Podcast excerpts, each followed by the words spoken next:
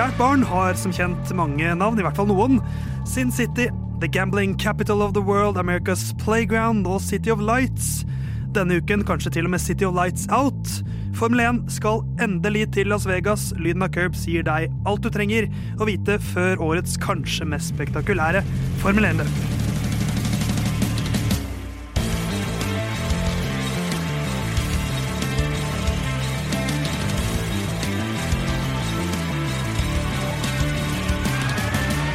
Din favorittpodkast og ditt favorittradioprogram om uh, Formel 1, som kanskje er din favorittmotorsport, uh, er tilbake i øret ditt. Lyden av Curbs heter vi, det er Theis, den trofaste tjener av deg. Uh, som sitter bak spak og klaff, trofast som alltid er her.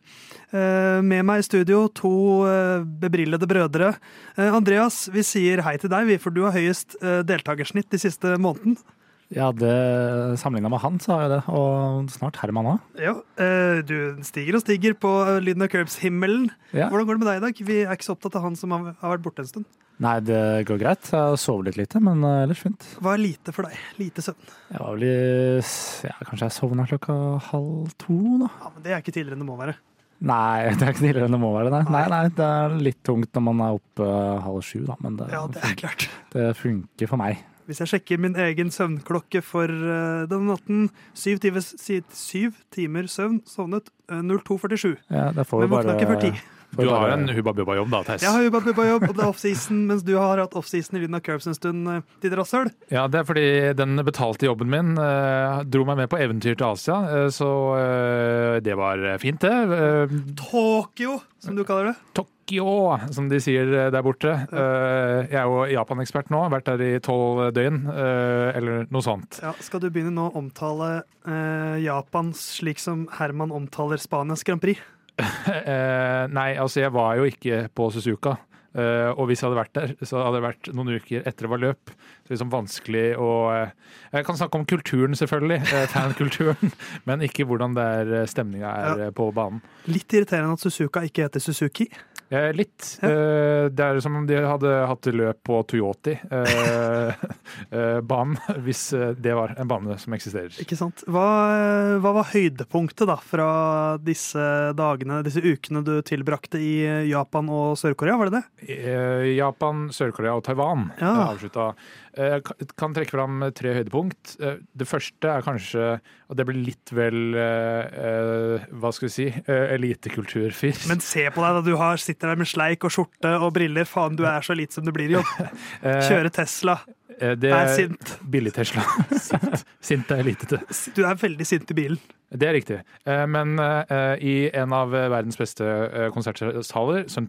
Tory Hall, så spilte det orkesteret da jeg jobber med for Sibelius sin andre symfoni. Den har vi snakka om her før, faktisk. Det er en av kanskje mitt livs største opplevelser konsertmessig andre er hotellet som vi hadde i Taiwan. Det er eh, altså Du får plass til hele leiligheten min eh, i eh, det hotellrommet med eh, sånn liten sånn tekrok eh, med utsikt over eh, fra 17. etasje. Veldig kult å oppleve det. og i tillegg det japanske folk, kanskje. Høydepunkt. De er og... sykt høflige. Ja, og det setter jo du pris på, du som er sint. At du da blir møtt med underdanighet. Det setter vel du pris på? Nei, det er ikke underdanighet, men de har forståelse for at eh, det er en uh, gjensidig forståelse at vi forstår ikke hverandre. Nei, ikke sant? Uh, og det er greit. Ja, men det er faktisk greit. Jeg tror ikke alle forsto at du skulka forrige uke heller, Jon, men det er greit. uh, det var meldt på forhånd at jeg skulka for Det, det skal sies. Men vi visste ikke grunnen. Jeg fikk sjokk da det viste at du var i Oslo. Eh, på det tidspunktet, da sov jeg. Det er ikke tøys. Jeg har slitt altså så med jetlag, som er en veldig øh, Jeg har vært ute og reist uh, ting, men har problemer med våkne klokka fire på natta og være ubeskrivelig trøtt ja. på dette tidspunktet. Har du slitt med jetlag før, Andreas?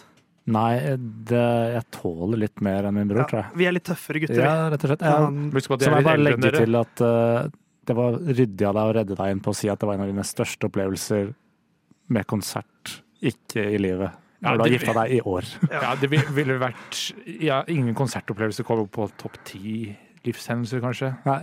Men dette programmet handler strengt tatt ikke om oss, det handler om Herman. Hvor er du, Herman? Ja, ja, ja. Hvor er Herman, mon lure? Herman har akkurat spilt padel, han. Og seier. Det ble seier. Og jeg er i den mest hektiske jobbsituasjonen til nå i år. Det trodde jeg egentlig ikke at var mulig å bli verre, holdt jeg på å si. Men det er det.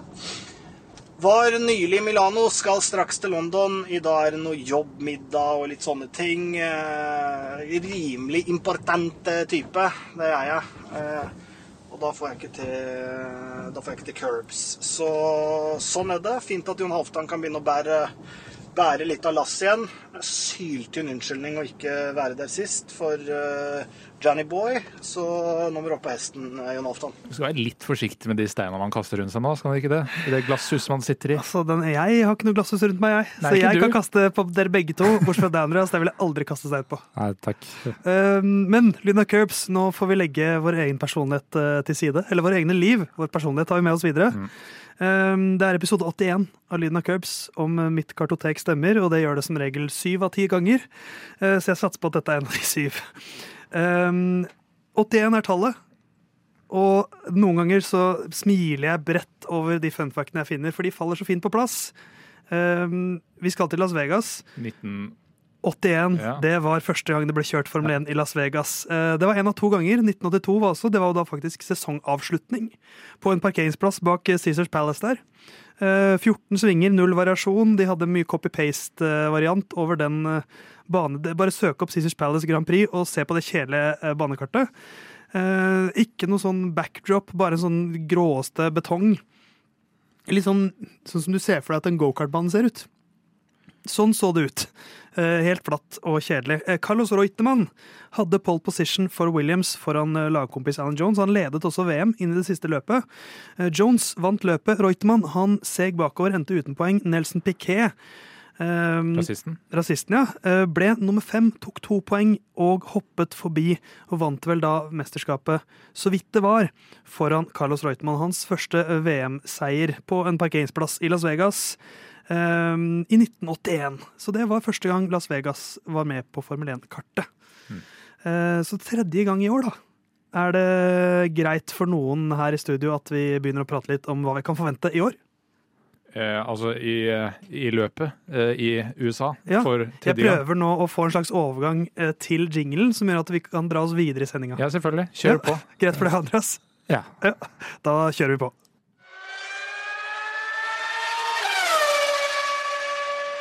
Det har vært kjørt uh, Formel 1 i Las Vegas to ganger tidligere. Dette er da tredje gangen. Eh, det har vært eh, motorsport i Las Vegas mange ganger siden det, men ikke på det nivået her. Uh, nå er vi tilbake for første gang da siden 82. Uh, så er Las Vegas tredje gangen i USA i år, så det begynner å bli mye, mye USA. Men dette er noe litt annet enn både Miami og eh, Austin. Eh, men Jon Halvdan, nå er du tilbake, så da får du servere litt eh, interessante faktoider om Las Vegas Grand Prix 2023, da. Ja, så har jeg skjønt på lillebror her da, at det er blitt litt for komplisert for han å forstå, så med meter og så videre. Men dette er, så vidt jeg kan se, den nest lengste banen. 6201 meter, som er litt under 200 meter lenger enn Baku. Eh, fortsatt en god nesten en kilometer kortere enn spa. Det skal kjøres 50 runder. Eh, det er liksom 17 svinger, eh, men noen av de er så vage at Formel 1 har ikke giddet å tegne inn 11 på kartet engang på nettsidene deres. Start mållangstrekket er ikke et langstrekk. Det er litt tilbake til gammel Silverstone med en start, start grid som er i en sving. Eh, så eh, de som starter bakerst, vil ikke kunne se i det eh, sannsynligvis Max Verstappen starter fra pole position. Men det gjenstår jo da å se. To DRS-soner mellom sving 4 og sving 5, og mellom sving 13 og 14. Som er sånn Nå har ikke jeg sett dette her overlay på Google Maps, men jeg tipper en av de er The Strip. om det er den første eller siste, det burde jeg finne ut. har ikke sjekka det ut. 50 runde, sa det. Eh, så det er, det er, et sånn passelig løp. Dette skal altså da gå på natta der borte, så da er vi tilbake til eh, Japan-tider her i Norge. Ja, for dette er, det er mye spesielt ved det løpet her. De norske tidene blir jo, eh, som du sier, spesielle, men det er jo faktisk Uh, første løpet siden Japan et, et, eller annet år, som uh, faktisk går på en lørdag. Dette løpet starter på lørdag i, i, USA. Så er det da klokka syv på søndag morgen her i Norge. Mm. Um, men kvalifisering er jo da tidlig på dagen i, um, på, på, lørdagen der, så de, de, får tid til begge deler. Men nei, midnatt er det. Midnatt. Så det er, det er mye rart ved det løpet her. Um, og så er det Las Vegas og The Strip. Hva skal vi si om banen her da, Andreas? Jo, jo, jeg må bare si en ting om banelayouten. Åh, timingen! Ja, takk, takk. Så skal du få si uh, det du har tenkt å si om banelayouten. Men jeg skal sitere Max Verstappen. Uh, 'More for the show than the racing' er det han har sagt om hvordan den banen ser ut. Ja, der kan jeg være litt enig. Altså, den ser jo ikke sånn usedvanlig spennende ut. Nei, Hva ligner den på? Den ligner jo veldig, som jeg syns er litt i eh, tid for julesesong, julemarsipan, gris. Ja, jeg syns det ser ut som Mummitrollet som ligger på ryggen eh, det, og soler seg. Det kan også være. Men, jeg, eh, jeg synes marsipan, Det er to gode sammenligninger, men jeg, jeg velger meg marsipangris. Jeg gjør ofte ja. det. Men, men det er jo jeg hørte også, har også hørt litt sånn hva er det førerne gleder seg mest til? Um, George Russell sa selvfølgelig at det gøyeste var at det er en ny bane, så det er alltid gøy. Uh, mens alle de andre sier at det er gøy å kjøre i Las Vegas. Ja. Um, men sånn det er gøyest med en ny bane. Men, men jeg syns det... vi er strenge mot Eller de er strenge mot den banen her. Vi er jo, det er en ja, ny bane. Vi, vi, vet jo ikke hvordan denne banen blir å kjøre på. Nei, men Det, det man ofte kan se da på actionmessig ser ut som Eller Ronaldo. Ja, jeg skal slutte å bruke Messi etter uh, ord. Uh, langstrekkende ser ut som det her blir forbikjøring eh, assistert av DRS, for nedbremsingssonene ser ikke kraftig nok ut til at eh, det er der man kjører forbi. Så jeg tipper det blir sånn der suse forbi-forbikjøringer, eh, om det blir eh, det i det hele tatt. Men er det det som er liksom Er det det som er poenget med det løpet her, da? Jeg syns jo på en måte at plasseringen er litt snodig, for Uh, dette føles mer ut som en sånn Dette føles ut som et løp som burde vært der Miami er i sesongen. Ja. Jeg, jeg, skjønner at de har plassert det sent, fordi da, da, kan det få en avgjørende faktor, men det blir noe, dette er jo mer show enn enn uh, kanskje det feteste racinga ever, men jeg syns jo det er litt greit, det. Det må vel være derfor de kjører på natta også, for å få fram all effekten av uh, lysa som er rundt i byen. Jo, Hvis jo. det hadde kjørt, blitt kjørt på dagtid, så hadde det vært uh, kanskje dørgende kjedelig å se på. Men i motsetning til Formel 1, så skal jeg heller senke forventningene til folk, så kan de bli positivt overraska. Ja. Fordi hvis vi kjører på med det Formel 1-greiene, så kan vi garantere at vi blir negativt overraska. Altså, dette kan hende at det blir et spennende løp. Eh, jeg tror kanskje ikke det. Så er det liksom hvor mye man setter pris på det der rundt. Eh, det er eh, mye Altså, det er jo cash grab, det her. De billigste billettene er svindyre. De ligner ikke på den Men de har begynt å måtte skru ned både pris på hotell og eller hotellromprisen har begynt å falle i Las Vegas ja, det, rundt den helgen her, fordi de får ikke solgt de. Ja, men de funnet, altså det er jo en smertegrense. Men dette er jo overfor folk som eh, de, Nå kan man jo ikke kalle det Og med all respekt, altså eh, Steven Paddock er en masseskyter i USA som eh, eh sto for masseskyting i Las Vegas i 2017. Så man kommer ikke til å bruke ordet Paddock, eh, selv om det er et eh, ja, nesten 100 år gammelt begrep begrep ja. eh, om eh, pitwall og altså alt det som skjer rundt, eller bak pitwall, da. Altså der laget holder til. Ja, men det syns jeg faktisk er greit, altså. Ja, det det, det syns jeg er eh, det, Akkurat her syns jeg ikke det er noe problem. Nei, jeg syns ikke det er noe problem, men eh, det er for et folk som tror at det ble oppkalt, nærmest oppkalt etter det, framfor å vite hva det var på forhånd. Så kan man jo se at det er et problem. Ja, ja, men det, jeg syns egentlig bare det er du som er nerd her, Jon. Nei, uenig. det, det, er selvfølgelig nerden alltid uenig, men uh, det er jo Jeg, jeg syns jo ja, er det ikke greit at altså Formel 1 er jo den mest Det er jo kapitalisme. Uh, all sport, all toppidrett er jo kapitalisme til en viss grad. Uh, nå er vi kapitalismens høyborg. Jeg kjøper litt det der showet, jeg. At dette er liksom noen helger i Formel 1. Så er, og sånn har Formel 1 alltid vært. Det er litt mer enn bare sport det handler om. Ja. Det skal være litt sånn uh, Altså, det er noe riktig, syns jeg, over at uh, The Strip nå liksom Der skal de suse nedover med Formel 1-bilene sine. Uh, så er det liksom ikke så viktig hvor mange står og ser på. Bare at de er der. Nei, altså Det, det er jo Man er jo ute etter action uansett. Uh, og ja, man har noen sånn mainstay som Monaco f.eks., som ikke nødvendigvis byr på action. Man har spa som kan by på action eller ingen action hvis det regner mye. Og så har man prøvd nå med Miami å lage en sånn falsk marina, og så prøver man nå igjen med Las Vegas. Og Det er jo en by som egentlig kler det mye bedre enn Miami-greiene, men det der at alt nytt i USA skal være det største og det beste og mest utrolige, og det er så utrolig å være her og bla, bla, bla. Én, man har et, allerede et godt løp i USA, i Austin. Og det andre er Eh, og Det kan godt hende at det funker, men jeg vil være litt Jeg vil ikke ha at normen blir at eh, det skal gå løp om midnatt fordi det skal passe det amerikanske publikummet. Nei, men ett et eller to eller tre av ja, 22 løp. Og jeg, jeg føler jo at når, man, når, det kommer nye løp, så spør alltid jeg meg selv hva tilfører det her. Miami er svaret svært lite. Sånn som du sier, Austin, et bra løp. Men det er jo ingen tvil om at Las Vegas Grand Prix altså, tilfører noe til Formel 1. Man har ikke snakket Folk har snakket så mye om det løpet her i, helt siden det ble annonsert.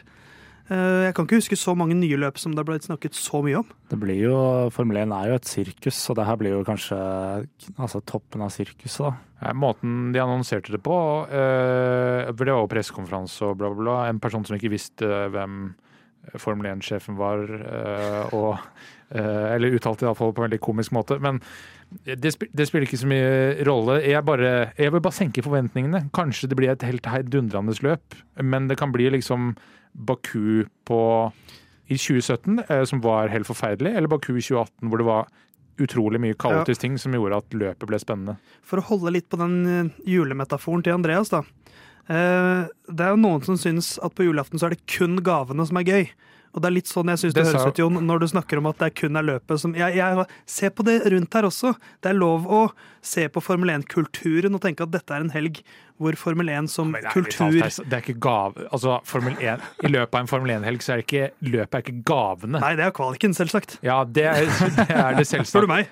Ja, men, altså, men, jo... men, jeg mener på ekte at, at, at uh, det Las Vegas tilfører, det er alt det rundt løpet. Det er litt sånn som, det er litt samme vibe, som, det er litt samme uh, energi som Monaco. At Monaco, det er, til, det er et eller annet ved Monaco som ikke handler om løpet, og det er et eller annet ved Las Vegas ja, men, som jeg gleder meg til, som da, ikke er løpet. Da skal jeg slå et uh, slag for menigmann. At hvis dette hadde vært prisa på et nivå som alle med normal inntekt i USA hadde hatt råd til å dra på, sånn at man får rekruttert nye fans, da hadde det vært helt for det. Men nå er det uh, Det koster Hva er det første billigste billettene koster typ 2000 kroner.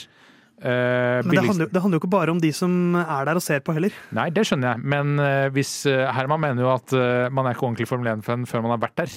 Og hvis det løpet du, for å være der krever at du har en årslønn på 200 000 dollar, da er det ikke noe som kommer til å rekruttere riktige personer for at Formel 1 skal vokse. Mannen i Tesla, han snakker arbeidernes sak. Billig Tesla. Billig Tesla. Men uh, de vet jo å skape show her, Andreas. Uh, også i den digitale sfæren. Uh, det skal være noe Netflix-greier, skal det ikke det?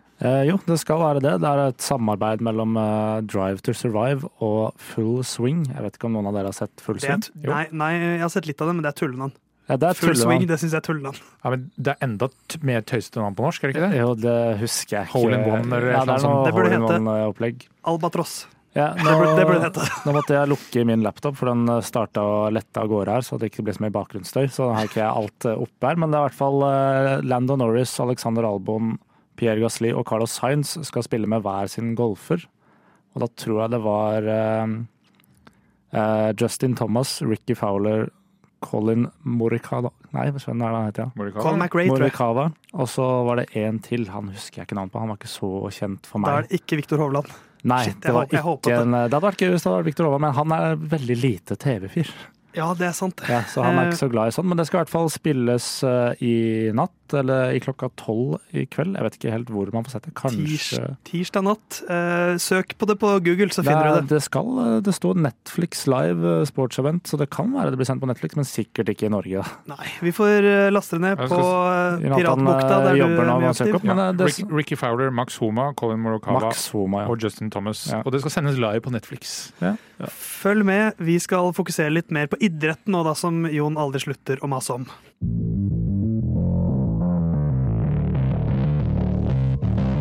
Det meldes da disse golfgrenene skal også dukke opp i opptak, så det er mulig å se. Og så hvis, jeg, hvis jeg kan skryte av én ting med uh, banen i uh, Las Vegas, ja. så er det curbsen. Er det bra curbs? Det er uh, hjerte, spar, kløver og ruter på de her røde og hvite stripene langs, på innsida og utsida av svingene. Ikke sant. Et øye for detaljer, det kan jeg sette pris på. Mm. Um, og så blir det spektakulært. Uh, kjente syn i Las Vegas. Denne nye Colosseum-kopien, altså Colosseum Kino-kopien, som de også har stabla på beina der. Denne Rappa herfra? Ja, de har jo stjålet den herfra. Denne, altså Oslo. denne nye salen med masse LED-greier på utsiden og masse skjermer på innsiden, mm. som U2 hadde konsert i. Ja. Ja. De lurer seg fram. Der, de, der, det er ting og, der det er både iPhoner og uh, arenaer å åpne i Las Vegas. Der er U2. Ja, det er fint, ja. Uh, men det er jo sport her i bånn. Uh, Max Verstappen leder fortsatt Formel 1. Skal jeg lese på en liten liste over rekorder han har slått i år? Ja, jeg kommer til å gjøre det uansett. Ja, vi, hva dere sier. Da sier jeg nei. Ja, men jeg driter i hva du mener, Andreas. Det det er ikke sant. Jeg er Max Verstappen-fan, så kjør på. Ja, han har høyest seiersprosentandel noensinne. Flest seire på én sesong, flest seire på rad. Flest seire fra pole position i én sesong, flest seire på rad fra pole position. Flest hat trick på én sesong, flest poeng i én sesong, flest podium i én sesong, flest topp to-plasseringer på rad.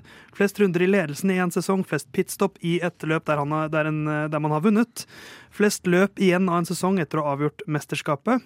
Flest løp på rad som mesterskapsleder leder og størst luke til P2 i mesterskapet. Ja. Og vi får så to løp igjen.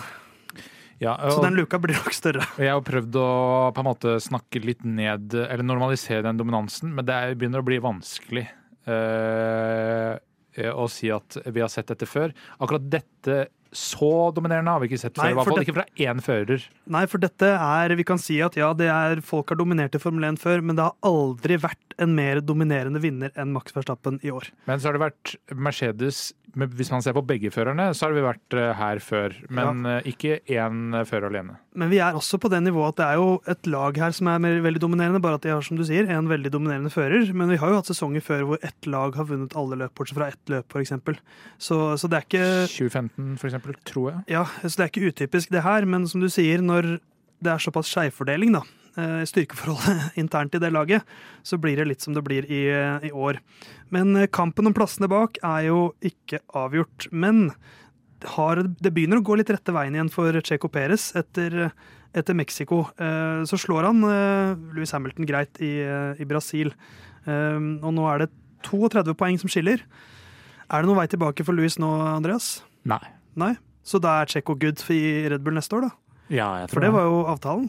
Ja. Mm, ja er, jeg sier han er good, men han som er Red Bull-fan, han har vel uh, en eller annen tråd han følger som gjør at uh, han vet litt mer. Ja, for nå, nå som du er her, Jon, eh, Christian Horner har jo gått ut og sagt ganske tydelig at Yuki og, Ricardo skal kjøre der, og så skal Sergio Perez og Max kjøre i Red Bull, og vi har ikke noen andre planer enn det. Men du kjøper kanskje ikke det, for du har prata med Jerry Hallowell? ja, vi, eh, vi Hun eh, slider inn i DM-en min med ujevne mellomrom. Ja, ja. Eh, nei da. Um, hvis det er noe hold i ryktet eh, som visstnok skal ha kommet fra eh, eh, sjefutvikler i Red Bull, eh, som navnet glipper Adrian Newey, at neste års bil klarer ingen å ta igjen, er det et rykte som sier at han har uttalt. Eh, hvis så er tilfellet, da kan de sitte der med Perez fortsatt. Men ellers det, det, tar seg ikke så godt ut, altså. Perez tjener jo heller ikke på å bli altså, så utrolig trasha. Nei, altså når uh... Han tjener jo godt og blir nummer to, altså Men det er ikke godt for rykt... Nei, men det spiller Fordi ja, eh, historiebøkene vil jo si at ja, han er nummer to på tabellen, ja. men for de som har fulgt med, så er det sånn Han var sjanseløs. Men alle er jo historieløse i alle typer idrett. Det er jo den siste tingen som gjelder. Ja, men jeg skal sitte her og minne dere på ja, det. Ja, men du er som sagt nerd, Jon Halvdan. Ja, eh, jeg er nerd selv, sånn, så jeg kan kalle deg det. Om to sesonger så er det sånn Ja, Peres han ble jo nummer to i 2023-sesongen. Det, det, er sluttsummen på kassalappen som teller. Uh, men, men, Andreas, for, for, Red Bull som lag, da, har For dette er noe som går igjen hver gang et, et, eh, en lag eller en entity dominerer en idrett, så snakker alltid folk rundt om at dette ødelegger sporten, og de bør jo tenke på idretten og underholdningsverdien, og dette er jo business for dem. Det er, det, det er jo business for Red Bull her. Og de er jo tjent med at spenninga er der, for da bryr folk seg mer.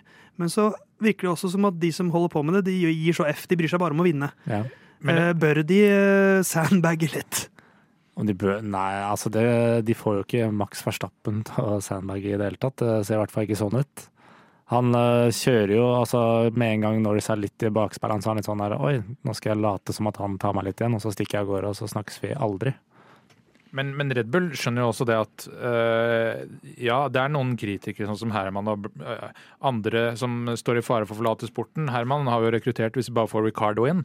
Og det kan jo uh, også Christian Horner se, at vi, de vi eventuelt har skjøvet fra oss, kan vi ta inn ved å ta inn Ricardo i laget. Men de vil rekruttere diehard-fans Hard ved å være så suverene, eh, hvis man ser på Red Bull som Red Bull. Og Red Bull er jo kun interessert i at folk skal bli Red Bull-fan, ikke Formel 1-fan i seg sjøl. Ja. For de er ute etter å selge flere sølvfarga blå bokser. Men jeg, jeg, sitter fortsatt og ser litt på, for å dra en parallell til norsk idrett, Red Bull nå er litt sånn som det norske landslaget i langrenn. At uh, de er så gode at de ødelegger langrenn litt ingen gidder å se på langrenn lenger, fordi at det er bare nordmenn som vinner. Ja, men det, det, er jo eh, i motsetning til i norsk langrenn, i hvert fall på herresida, så er det ett uh, pitstop som går galt, så er det der igjen. Ja, ja, mens, mens, du har fire, fører, nei, fire, løpere som må knekke skia og ramle og tryne for at det skal være noe som helst spenning uh, om seieren. Og så lenge det er Altså, det er jo på en måte eh, på godt og vondt. For det er det jeg mener Red Bull egentlig ikke tåler så godt at Peres driver og surrer rundt ned på sjette, fjerde, femteplass. Eh, fordi det ødelegger på en måte ryktet til bilen, selv om det fremhever jo Max. Eller setter Peres lenger ned. Det, det, er jo det vi ikke vet, da. Hva, hvem, hvem, er norm? Eh, sannsynligvis er ikke Peres norm, men jeg tror heller ikke Max er det. Det er et sted midt imellom. Hvis Sergio Perez hadde vært med på Kompani Lauritzen og skulle ha sånn vurdering i militært forhold, ja. så tror jeg han ville sagt under norm, under norm. på deg, Sergio. Ja. Men vi ser at du har noe. Du har vunnet to løp i år. Det skal ikke veldig mye til før du er på norm. Nei. Men når vi, når vi tar bort det, eh, så er du da eh, Du har Louis Hamilton, som er da 20, hva er han, 32 poeng bak. 32 poeng bak eh, Perez, ja.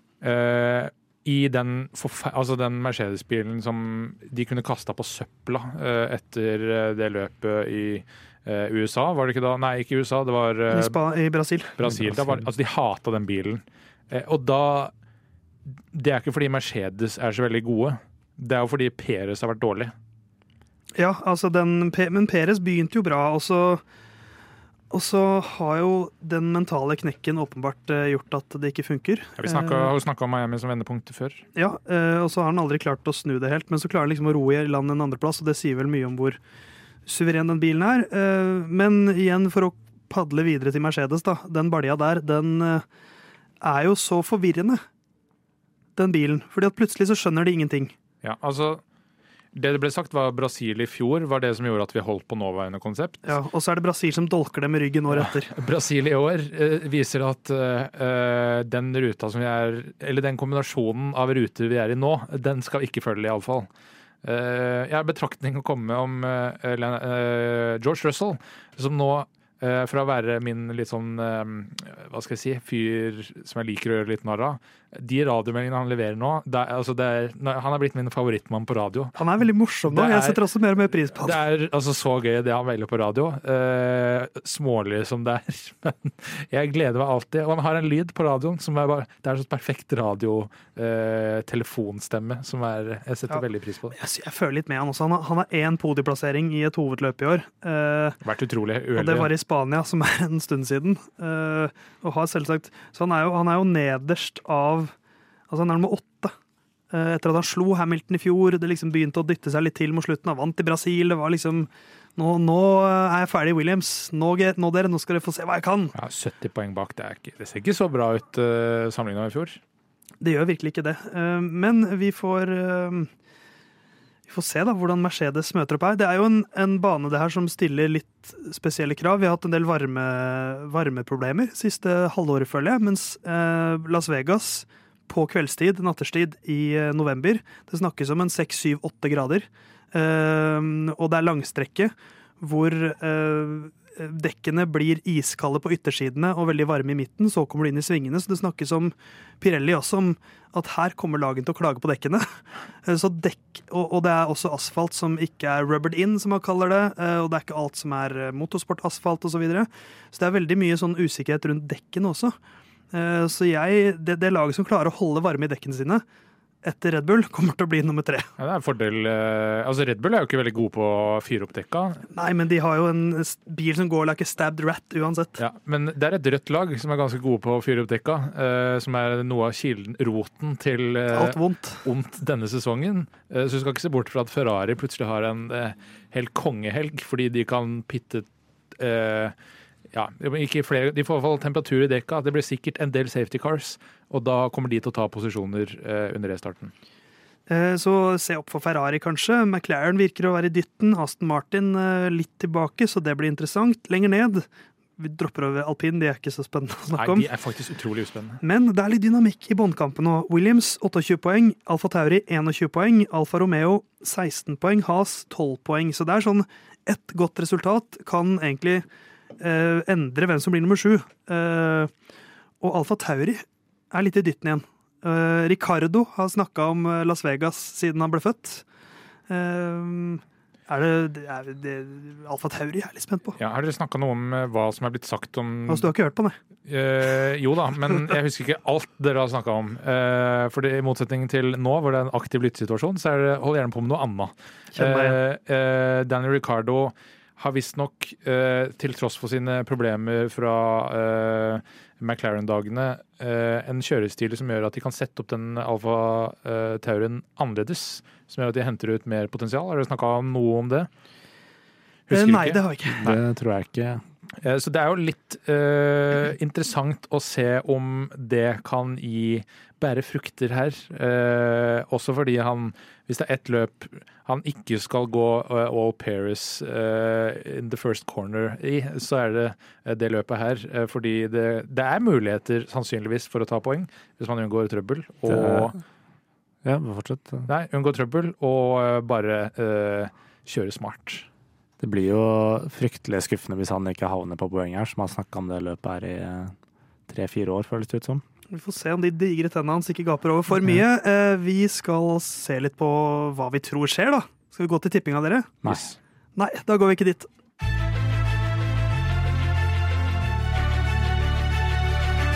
Vi hopper videre til tippinga likevel, vi. Det er eh, lyden av Curbs sin eh, tette og bitre tippekonkurranse som drar seg mot slutten. Det er to løp igjen, eh, og det er ett poeng mer enn to som skiller de to beste. Og så er det et lite hopp ned til den bitreste og sureste, men også på en måte den det er mest synd på av de alle. Er det mest synd på han?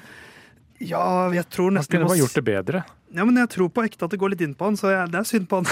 ok, Jeg gjør jo alt jeg kan hver gang jeg er her for å gi han bonuspoeng på bonuspoeng. Han kan jo ikke være bitter. Men det er fortsatt mulig, hvis, eh, noen, hvis en ukens sjuking går inn så er eh, altså det er jo Ta oss gjennom sammendraget her, Jon. Jeg kan ta oss eh, gjennom eh, sammendraget her, Theis. For det første, vi får jo da Det er ni poeng totalt man kan få i pallen, der du får tre poeng for riktig person på riktig plass. Ett poeng for riktig person på pallen, men på feil plassering. Og så er det mulig å få 20 poeng for noe vi kaller ukens sjuking, som har kanskje utvikla seg litt til ukens umulighet. Hvor er vi skal tippe noe, en sjuk eller en usannsynlig hendelse som kan skje i løpet av løpshelga. Går det inn, får du 20 poeng. Eh, kan røpe at det har de ikke gjort denne sesongen. Eh, men vi har da et bonuspoeng vi starter med. Den som er nærmest eh, ukens sjuking, får et ekstra poeng. Og Det gir da en stilling, sammenlagsstilling som så her. Gjestene har 58 poeng. De er jo ikke hver gang, men de får tre poeng hver gang Max Verstappen vinner. Med mindre du heter Tobias og tipper noe annet enn Verstappen på førsteplass. Litt over 20 poeng over der. 79 poeng. Der er vi Herman. Og, det er ganske bra. Det er ganske, han er ikke så langt bak. Han er ikke langt unna, for bare åtte poeng foran. Der er Theis eh, med 87 poeng, og jeg leder foran deg med 3 poeng. Ja, eh, Så da er det jo viktig hva som tippes denne uka også. Eh, skal vi slippe til han som ligger nederst først, uten å være da vikar? Vi tar han som ligger nederst først. Her er Herman sitt tips. Topp tre fra min side er eh, Ricardo, Sunoda og Sergeant. Uh, og grunnen til det er egentlig at uh, den her uh, tippinga vår har fått en uh, like kredibel avslutning som sesongen 2021 i Formel 1. Så nå er det mye rør. Ukas sjuking det er bare at det begynner å brenne langs løypa et eller annet sted. og det kommer på TV-sendinga. Dette er altså Så sånn er det. Og dette, Herman, sånn er det. Det er eh, like forutsigbart som regn i oktober. Ja, uh, for Herman, jeg har konkurrert litt med Herman før. Uh, vi har kjørt masse Formel 1 sammen, og det punktet hvor han skjønner at nå kan ikke jeg vinne lenger, eller hvis han mener at det har blitt gjort en urettferdighet, så gir han faen. og det, sånn var det i fjor også. Han, ja, han hadde et punkt i sesongen hvor han begynte å gi faen. Og nå er vi på det punktet. Men det, det er på en måte ikke vår feil da, at uh, denne sesongen er blitt som den er blitt. Uh, og uh, han er jo ikke kongen av raushet, sånn som han prøvde å løse forrige tippesituasjon. jeg hadde president og god adv advokat i ryggen. Du hadde president? president er det det og, du kaller meg nå? president. hvor jeg iallfall fikk stående Verstappen på førsteplass, som jeg ville tippa uansett. Så så Uh, urettferdig er det ikke. Ja, men så er det jo også litt typisk Jon, at når du går på en sånn smell som Herman også har gått på, så er du på en måte heldigere med det du tippa i fjor. Mens Herman var ganske uheldig med det han tippet året før. Han, var, han tippa samme vinner som det du tippa uh, i år. Uh, så så uheldig var han ikke. Nei, men så gikk jo jeg også litt uh, ja, alternativt til verks, da. Ja, det spiller, spiller, ikke noen rolle. Dere gikk jo alternativt til verks alle tre sist fordi jeg ikke hadde levert tippelapp. Det var dumt. Som eh, primært lytter og deretter eh, vikar, så er det jo deilig med en Herman meltdown til slutt, hvor det bare faller fra hverandre. ja. Korthuset er ferdig. Herman, jeg er veldig glad i deg, og det sier jeg uten noen for, eh, for Jeg klarer ikke å si mer, jeg, er veldig glad i deg, Herman, og det sier jeg uten sarkasme og ironi. Mm. Men Herman sitt tips, da. Ricardo Sunoda Sergeant, og det begynner å brenne langs løypa et sted. Også et slags symbolikk i Hermans situasjonen rundt tippinga her. Ja, men uh, ikke for å være den fyren, uh, men uh, at det tar fyr da Det gjelder ikke da i en bil, eller? Nei, nei, nei. Fordi Nei, nei, nei. Ikke bil. Lang, jeg tolket det som utenfor. Ja, altså jeg, utenfor, Og den er godkjent for meg. Men jeg syns vi skal bare presisere at så lenge det ikke er en bil. For ja. Eh, trygghet i vaghet, som det heter. Eh, og Herman vil prøve å Nå har han prøvd seg på 'jeg skal ha ti poeng for ting'. Eh, og det er det jo i hvert fall ingen statutter. Ja. Ingen så, presidenter der. Ingen presidenter der heller. Så, så lenge det ikke er en bil, Nei, er det Det skal brenne utenfor banen, spør du meg. Andreas, har du et tips til oss, eller? Som gjest? Ja, jeg har jo det. Jeg sa sist til deg, Theis, at jeg skulle debutere som eh, fan av et lag. Det kommer vi aldri til. Oi, så det, det, bli, det, ble sagt off-air, da? Eller? Det ble sagt off-air, ja. Det skal reflektere, altså Min topp tre reflekterer hvem jeg holder med. Er de oransje? De er oransje. Altså, da har jeg Norris ja. som nummer én. Så må jo Verstappen være inne i topp tre, så han er nummer to. Og så Piastri som nummer tre. Alltid visst at du er en fornuftig fyr, Andreas. Uh, McLaren-gutten Andreas. Ja.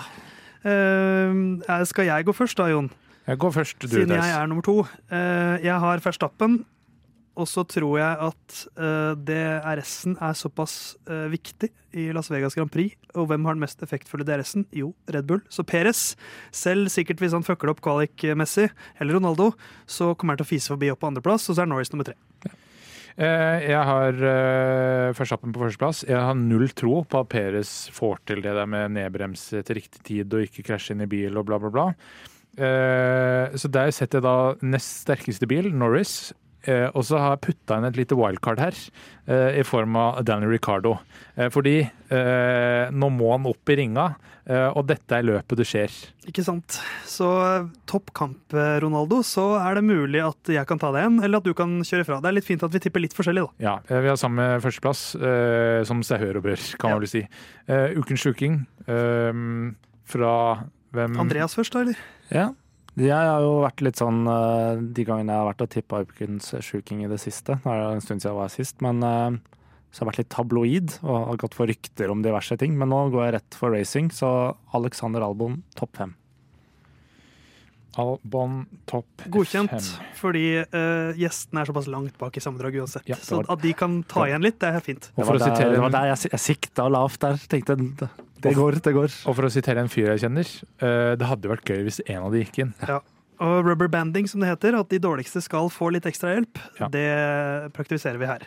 Uh, jeg har at um, Alfa Tauri har minst én bil på front row og minst én bil på podiet i løpet.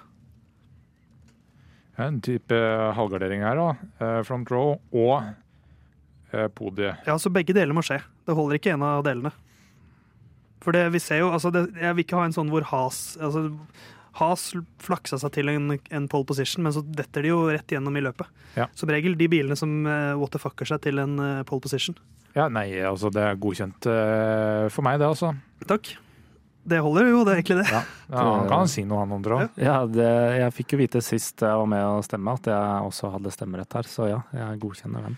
Dobbelt godkjent. Ja, så er det jeg da som egentlig ikke har eh, helt eh, bestemt meg, så da blir det eh, Man må gå litt hardt til, da. Ja.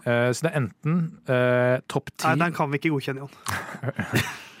topp ti kvalik innafor fire tideler topp ti Nei, den får du ikke. Altså, det, er, det skal være fra en, Jeg vet det er en lang bane, men topp ti i kvalik? Nei, den får du ikke. Ikke på en ny bane hvor vi ikke vet noe. Om, uh, om, rundetider eller noe som helst. Ja, de kommer ikke til å være til, Første til tiendeplass kommer ikke til å være innafor eh, 0,4. Det har vel skjedd før? Er det ikke? Ja, Men fire tideler er ikke så mye. Det er ikke det. Eller det, det er ganske mye, mener jeg. Uh, det, er, det, er, ikke så mye, men det er samtidig en er del i, når det er topp ti. Det er mye her. Nei, du, du får ikke den. Uh, nei, da tar vi uh, Det blir ti biler fullfører. Ja, den får du. ja, den er vanskelig ikke å godkjenne. Ja, for det er ganske sjukt. Det kan godt hende det blir 12-13 eller noe sånt, som skjer av og til, men 10 er ganske ja, Da skal jeg fortsatt argumentere for det bonuspoenget, iallfall. Eller jeg kan jo begynne som Herman. Ja. Nå er jeg fryktelig nærme, så da må man få halvparten. Hvis 12-13 fullfører, da er albummet topp 5. Vi har diskutert at vi kanskje skal Det var kanskje uten deg, Jon, men at vi skal kanskje tweake Ukens sjuking til at neste år så handler det om å få et sted mellom 1 og 20 poeng. At man kan argumentere seg oppover. Ja. Eh, men det tar vi på kammerset. Det er riktig. Eh, tar du en kjapp oppsummering, Jon? Det skal jeg gjøre. Eh, da har vi da topp tre. Jeg har tippa Verstappen, Norris, Ricardo. Andreas har tippa Norris, Verstappen, Piastri. Theis har tippa Verstappen, Perus, Norris. Og Herman har på test tippa Ricardo, Sunoda, Sergeant. Jeg tror at det er kun ti biler som fullfører. Andreas tror at Albon kommer topp fem. Theis tror at uh, Alfa Tauri har minst én bil på front row uh, etter qualic, da, uh, og en bil på podiet. mens Herman tror at det begynner å brenne langs løypa et sted, så lenge det ikke er en bil, har jeg sagt på, bare for å presisere den. Er det en kar fra Langangen jeg kjenner som skal fly til Las Vegas med en kanne bensin denne helgen, så er kanskje det min ukens sjuking, egentlig. Vi durer videre, vi.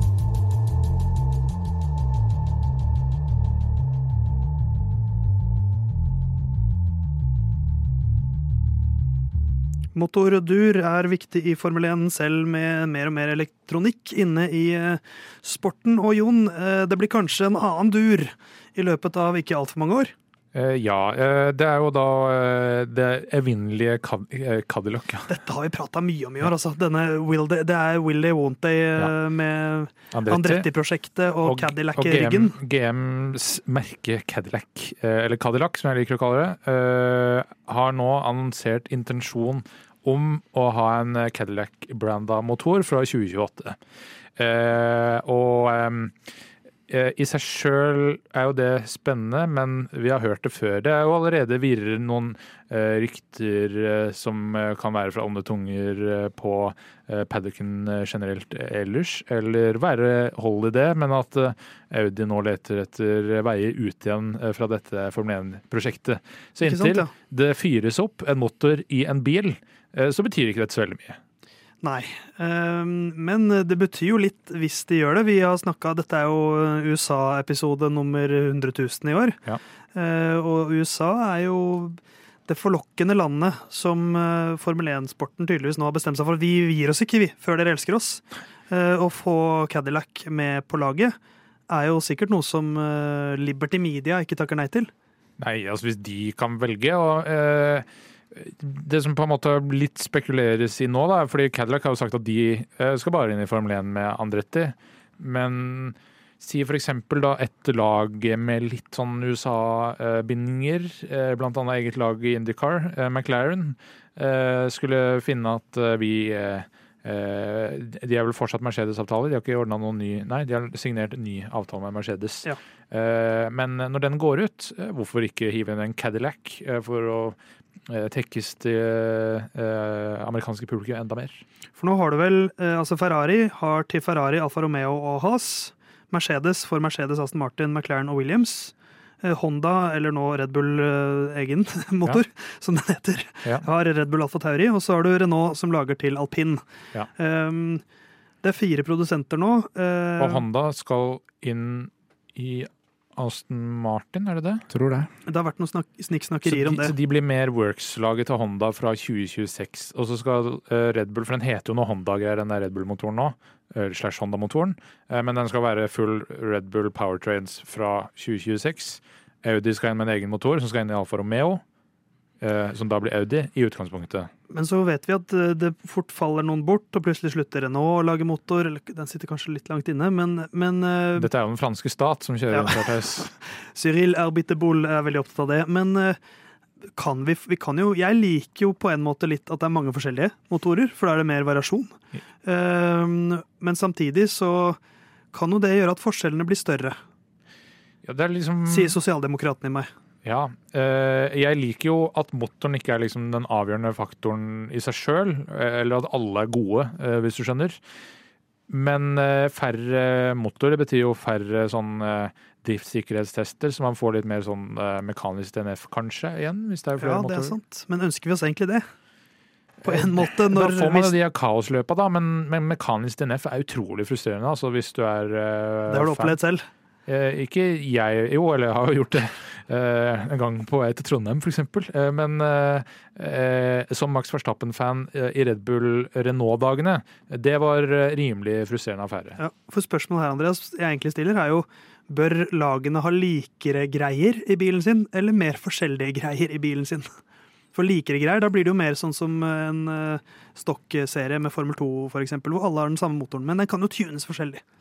Ja, jeg syns jo det ikke behøver å være noe mer likere enn det det er nå. Altså, det er én fyr da, som stikker av gårde med seier på seier, føler jeg, da. Og mens Peres er sånn Han kunne vunnet annethvert løp da, hvis det var han som var best i Red Bull, så hadde noen andre vunnet ellers.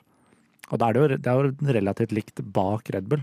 Ja, og så er så, kanskje, sånn, For min del så føler jeg ikke at vi trenger ja, men, og, det, og Formel 1 er, og dette har jeg sagt tusen ganger, jeg sier det tusen ganger til, Formel 1 er også et konstruktørmesterskap. Uh, vil du se en Spec-serie, se Formel 1, nei, Formel 2, uh, Indycar altså Det er ja, men, tusen andre ting man kan se. Jo da, Jon, men uh, det er mange som har lyst til å se Formel 1, vet du. fordi det er the pinnacle of motorsport. Og ja, da, da, da, vil man ikke bare se Det blir se... jo kun pinnacle of motorsport hvis man også har ingeniøraspektet. Ja, Ellers man... er det kun en førerkonkurranse og hvordan vi setter opp biler og strategi. Men hele tiden så ligger det i bånn at dette er underholdning. Ja, det er no... først og fremst underholdning. Ja, først og fremst.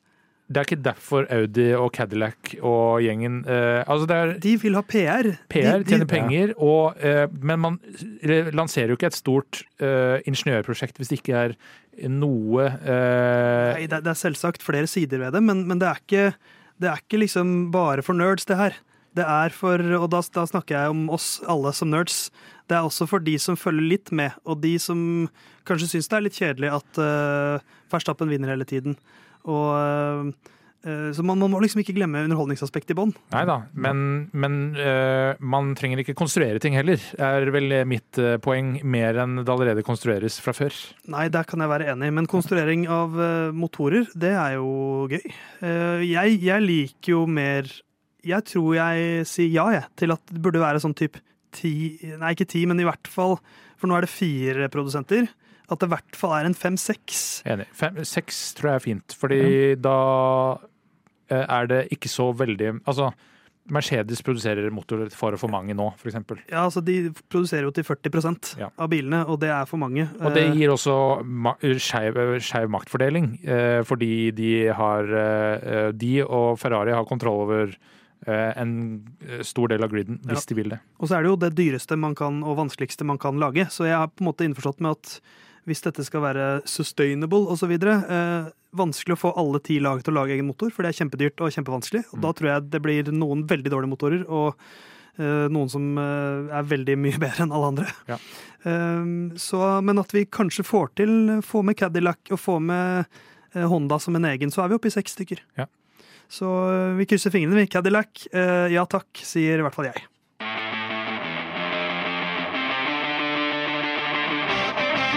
Vegas, en by mange vil til. Har du lyst til å besøke Las Vegas eh, spesielt, Andreas?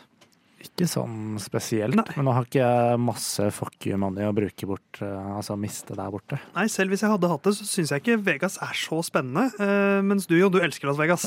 Nei Jo, se på den gutten, da. Jeg vet ikke om jeg er uh, egentlig ganske anti-gambling sånn ellers, men det er jo hadde jo selvfølgelig vært gøy å besøke, men det er ikke topp, jeg tror ikke det er topp 20 reisemål i USA for meg. Nei, det tror jeg ikke det er for meg heller. 22.-plass. Ja, 23.-plass. Ja. Jeg tror ikke USA er på topp 20-lista mi engang. Å, brannfakkel Herman, nok en angrer på at det ikke er her. Ja. Eh, men Jon, du har noe greier til oss. Ja, for dette er tar utgangspunkt i westgateresorts.com sin artikkel oh, god nettside. 17 fun facts about Las Vegas that will make uh, think, uh, som er en litt Og, hva het nettsiden din? Westgate? Nei. Westgateresorts.com. Ah, de er opptatt av reskriving. Uh, ja. Will make you think, tipper jeg det skal være. Så nå skal dere få Skal dere quizes litt, samtidig så kan dere lære litt om Eh, Las Vegas. Eh, men eh, et veldig ledende spørsmål. Hvilket sted tror dere er det mest det lyseste sett fra verdensrommet? Åh, oh, det må være Nord-Korea. Og hva tror du, Andreas? Jeg tipper Beijing. Ja. Det er sikkert Las Vegas, da. Ja, det er Las Vegas. Ja, det er Las Vegas. The City of Lights. Ja, det er riktig. men det er en delikatesse som det spises mer av i dagen altså per dag i Las Vegas enn det det gjør i resten av USA. Enten McRib eller uh, kaviar eller noe sånt. For det er jo stedet hvor folk drar for å bruke fucking money. Ja, vi skal til sjøen. Uh, vi, vi, er, vi, er, glad i det. Det er bedre om vinteren enn om sommeren, men man spiser det mest om sommeren. Shrimps. Yes. Uh, og det, den referansen Reker, da. Ikke sant, for rekecocktail videre. Ja. Det, det, er, det, er, liksom blitt sånn reka Altså, reka er jo havets rotte, ja.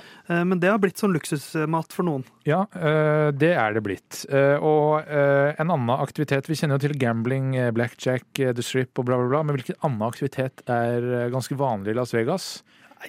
Synding og bryllup. Det skjer Ja, riktig. Ja. Bryllup. Og fun fact om det. Eh, det har de da i fanzone i Las Vegas. Så er det mulig å gifte seg. Ja, selvfølgelig. Uh, ifølge denne artikkelen, uh, jeg leser en annen artikkel, 150 bryllup om dagen. Denne sier 300. Jeg er litt usikker på Et sted mellom 150 og 300, da. bryllup om dagen. Men, ja, Westgate de kan sin uh, faktasjekk. Ja, det kan de. Uh, og så har du da uh, Bellagio hotell. Den har to uh, fontenerelaterte uh, verdensrekorder. Uh, det ene er antall fontener. kan jeg få et tipp? Ja, nå fikk jeg lyst til å gå mørkets vei og si antall drukninger i fontener. Ja, antall fontener. Altså, hva, jeg syns jo én fontene kan være ganske mye, men jeg har jo sett, altså, det er jo der hvor det sprutes masse vann opp, og så det er, ser det rått ut. Det en, kan det være en 25 fontener, da? Hva tipper du? Nei, jeg tipper 32. 1200 fontener. Å, hei, du! Eh, og jeg var redd det skulle være sånn 72, for det er ikke så imponerende. Men Nei. det der er jo imponerende. Ja. De har også eh, verdens største eh, fontene av sitt slag. Eh, vi skal litt til Roald Dahl-land. Er det noen som kan gjette hva slags fontene det er? Ja, En SVK-fontene. Ja. Nei. Uh, Matilda-fontene. En kjent fabrikk. Charles sjokoladefabrikken. Ja. Uh, sjokoladefontene. Ja, verdens største sjokoladefontene. Uh, Eh, som er da 8,2 eh, meter høy. Eh, så det er gode tre etasjer der, er det ikke det? Ja. Noe sånt. ja. skal vi ta Er det noe mer? Selvfølgelig gamblingby er det. navnet, hvor kommer det fra? Oi, det er jo Oi. Det er et godt spørsmål. Det er jo som veldig mye av USA eh, gammelt urfolksmark, det her, som sikkert har, eh, som de har blitt eh, frastjålet av eh, hvite mann, eh, så kan det ha noe med det å gjøre. Eh, det skal, ifølge da den artikkelen her, som jeg igjen si, undervanns... Hva det heter? Brønner. The Meadows er det Las Vegas betyr. Fordi det er veldig frodig akkurat i Las Vegas. Men rundt er det jo som kjent en ørken. Ikke sant. Så en liten oase der med Formel 1 blir det denne helgen her. og Eh, vi er også litt utenomsportslig denne helgen, paradoksalt nok, selv om Jon mener at det er fy-fy.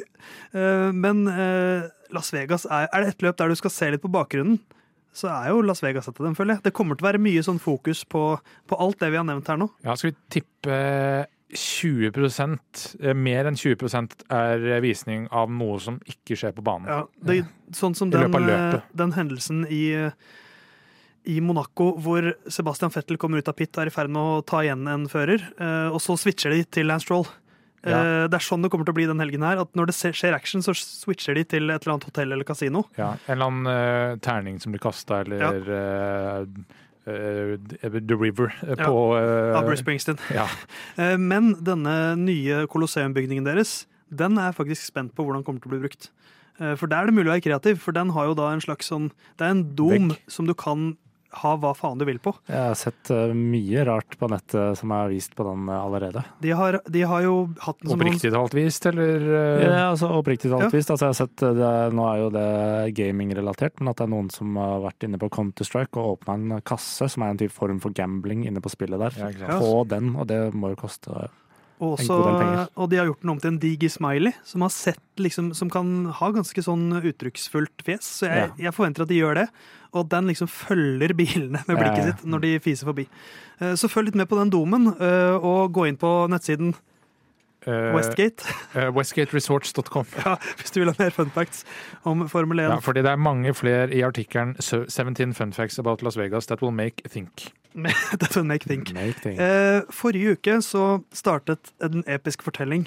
Min Formel 1-roman begynte vi på. Jeg, jeg, begynte om Skal jeg bli indignert for at Andreas ikke valgte meg som førstefører? Og så var det Det er bare én det er Bahrain, ja. Det er første løp i sesongen. Ja. Uh, lurer du på hvordan det går i andre kapittel, eller? Uh, jeg er veldig spent. her. For jeg har skrevet mer.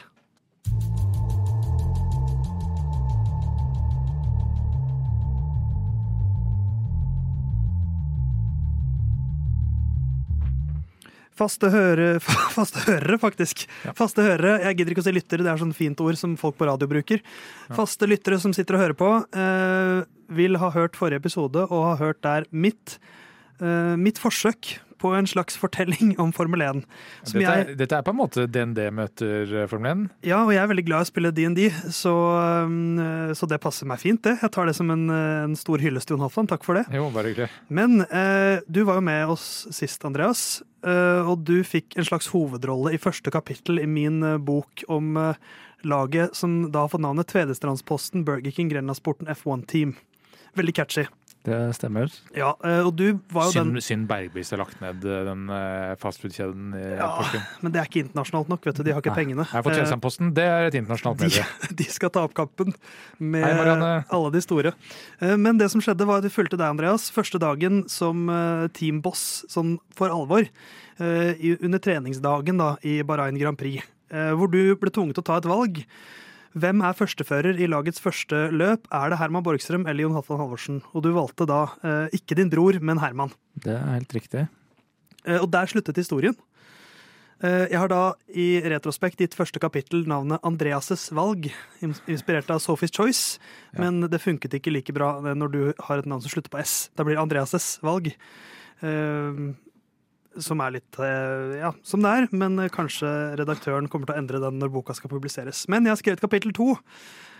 Um, er dere klare? Jeg er klar. Og denne gangen så kan jeg røpe nå, bare sånn som en liten tis, at nå er det eh, Jon Halvdan som skal ta et valg på slutten. Um, så da er det bare å lene seg tilbake uh, og nyte kapittel to av min bok om Tvedestrandsposten, Burger King, Grenlandsporten, F1 Team.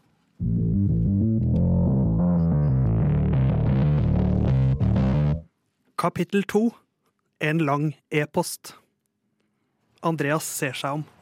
Ingen har våget å ta ordet etter Borgstrøms spørsmål om hvem som skulle være førstefører.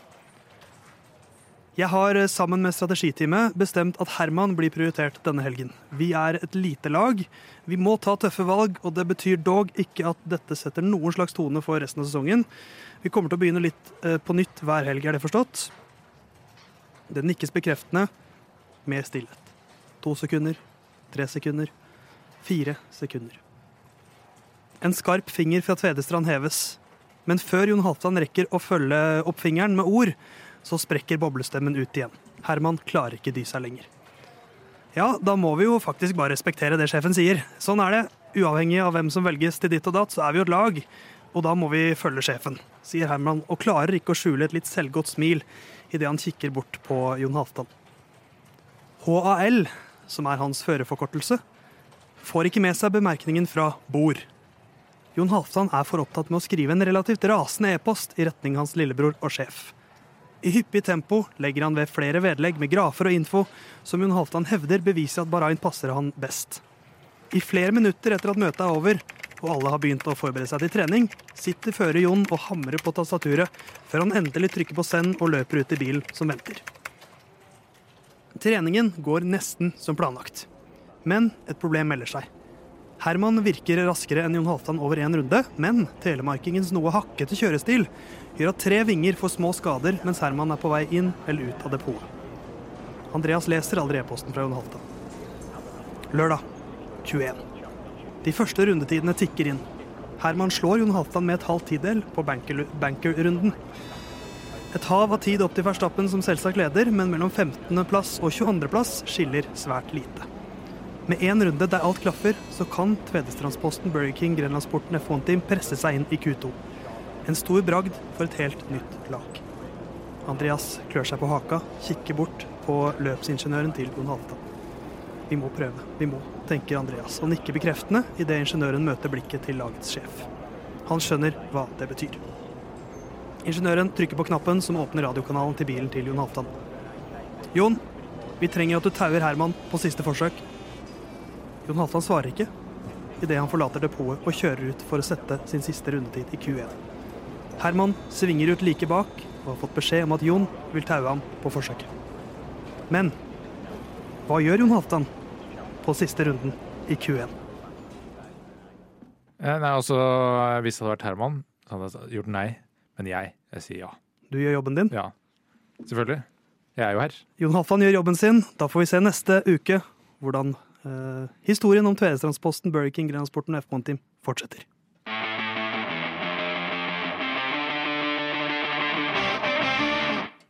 Ja, det var eh, andre kapittel i mitt episke mesterverk. Er dere spent på fortsettelsen? Utrolig spent. Uh, spesielt siden dette er jo uh, uh, Altså, noen beskylder jo Game of Thrones for å være slow pace, men her har vi forflytta oss fra møte før ja, ja, ja. kvalik til Q1. Jeg kommer til å bade i så, det prosjektet her. Så sesong én er sikkert ferdig i 2026 en gang. Men jeg har en slags løs idé om at uh, dette er noe jeg kan fortsette med neste år. Og da skal det følge sesongen, har jeg tenkt. Ja. Så da må jeg bruke litt tid på alt som skjer rundt Bahrain, og så er vi klare for sesongstart. Ja, eventuelt speede deg gjennom uh, hele sesongen. Det kan jeg også gjøre. Vi får se hva jeg velger å gjøre. Tydelig at Jon er lei allerede. Men, nei, nei, ikke lei. Ikke lei. Hva syns du, Andreas? Nei, jeg syns det er ja. kjempespennende, Theis. Ja. Utrolig. Nei, nå gidder jeg ikke lage radio mer med de idiotene her. Uh, vi er klare for Las Vegas Grand Prix. Jeg gleder meg veldig. Ja. Uh, skal du se løpene live, løpet live, eller blir det opptak på deg, Andreas? Jeg skal jo, som nevnt, uh, av lufta jul, i et julebord på lørdag. Og så da gjenstår det å se om jeg orker å dra meg opp klokka sju for å se løpet på søndag. Hva med deg, Jon? Selvfølgelig skal jeg se det live. Ja. Eh, for de som har fulgt godt med, så fikk dere jo vite når jeg pleier å våkne nå for tiden. Så det blir nok opptak på denne bassen. Ja. Eh, men neste For dette er da tre og en halv time før du pleier å våkne? Ja, nå denne tiden av året ja. så er jeg litt i dvalemodus, rett og slett. Som Bjørn. Men uh, Bjørn våkner også neste uke. Da skal vi oppsummere Las Vegas Grand Prix uh, og alt som skjedde der. Vi får se om det blir uh, de tre faste i studio, eller om det, blir, det blir jo ikke. Nei, Ole skal være vikar neste uke. Garantert ikke de tre faste i studio neste uke. så da blir det Jon, Theis og Ole. Andreas, du får kose deg på julebord, og så høres vi når vi høres. Du der hjemme, kos deg videre i novembernatten.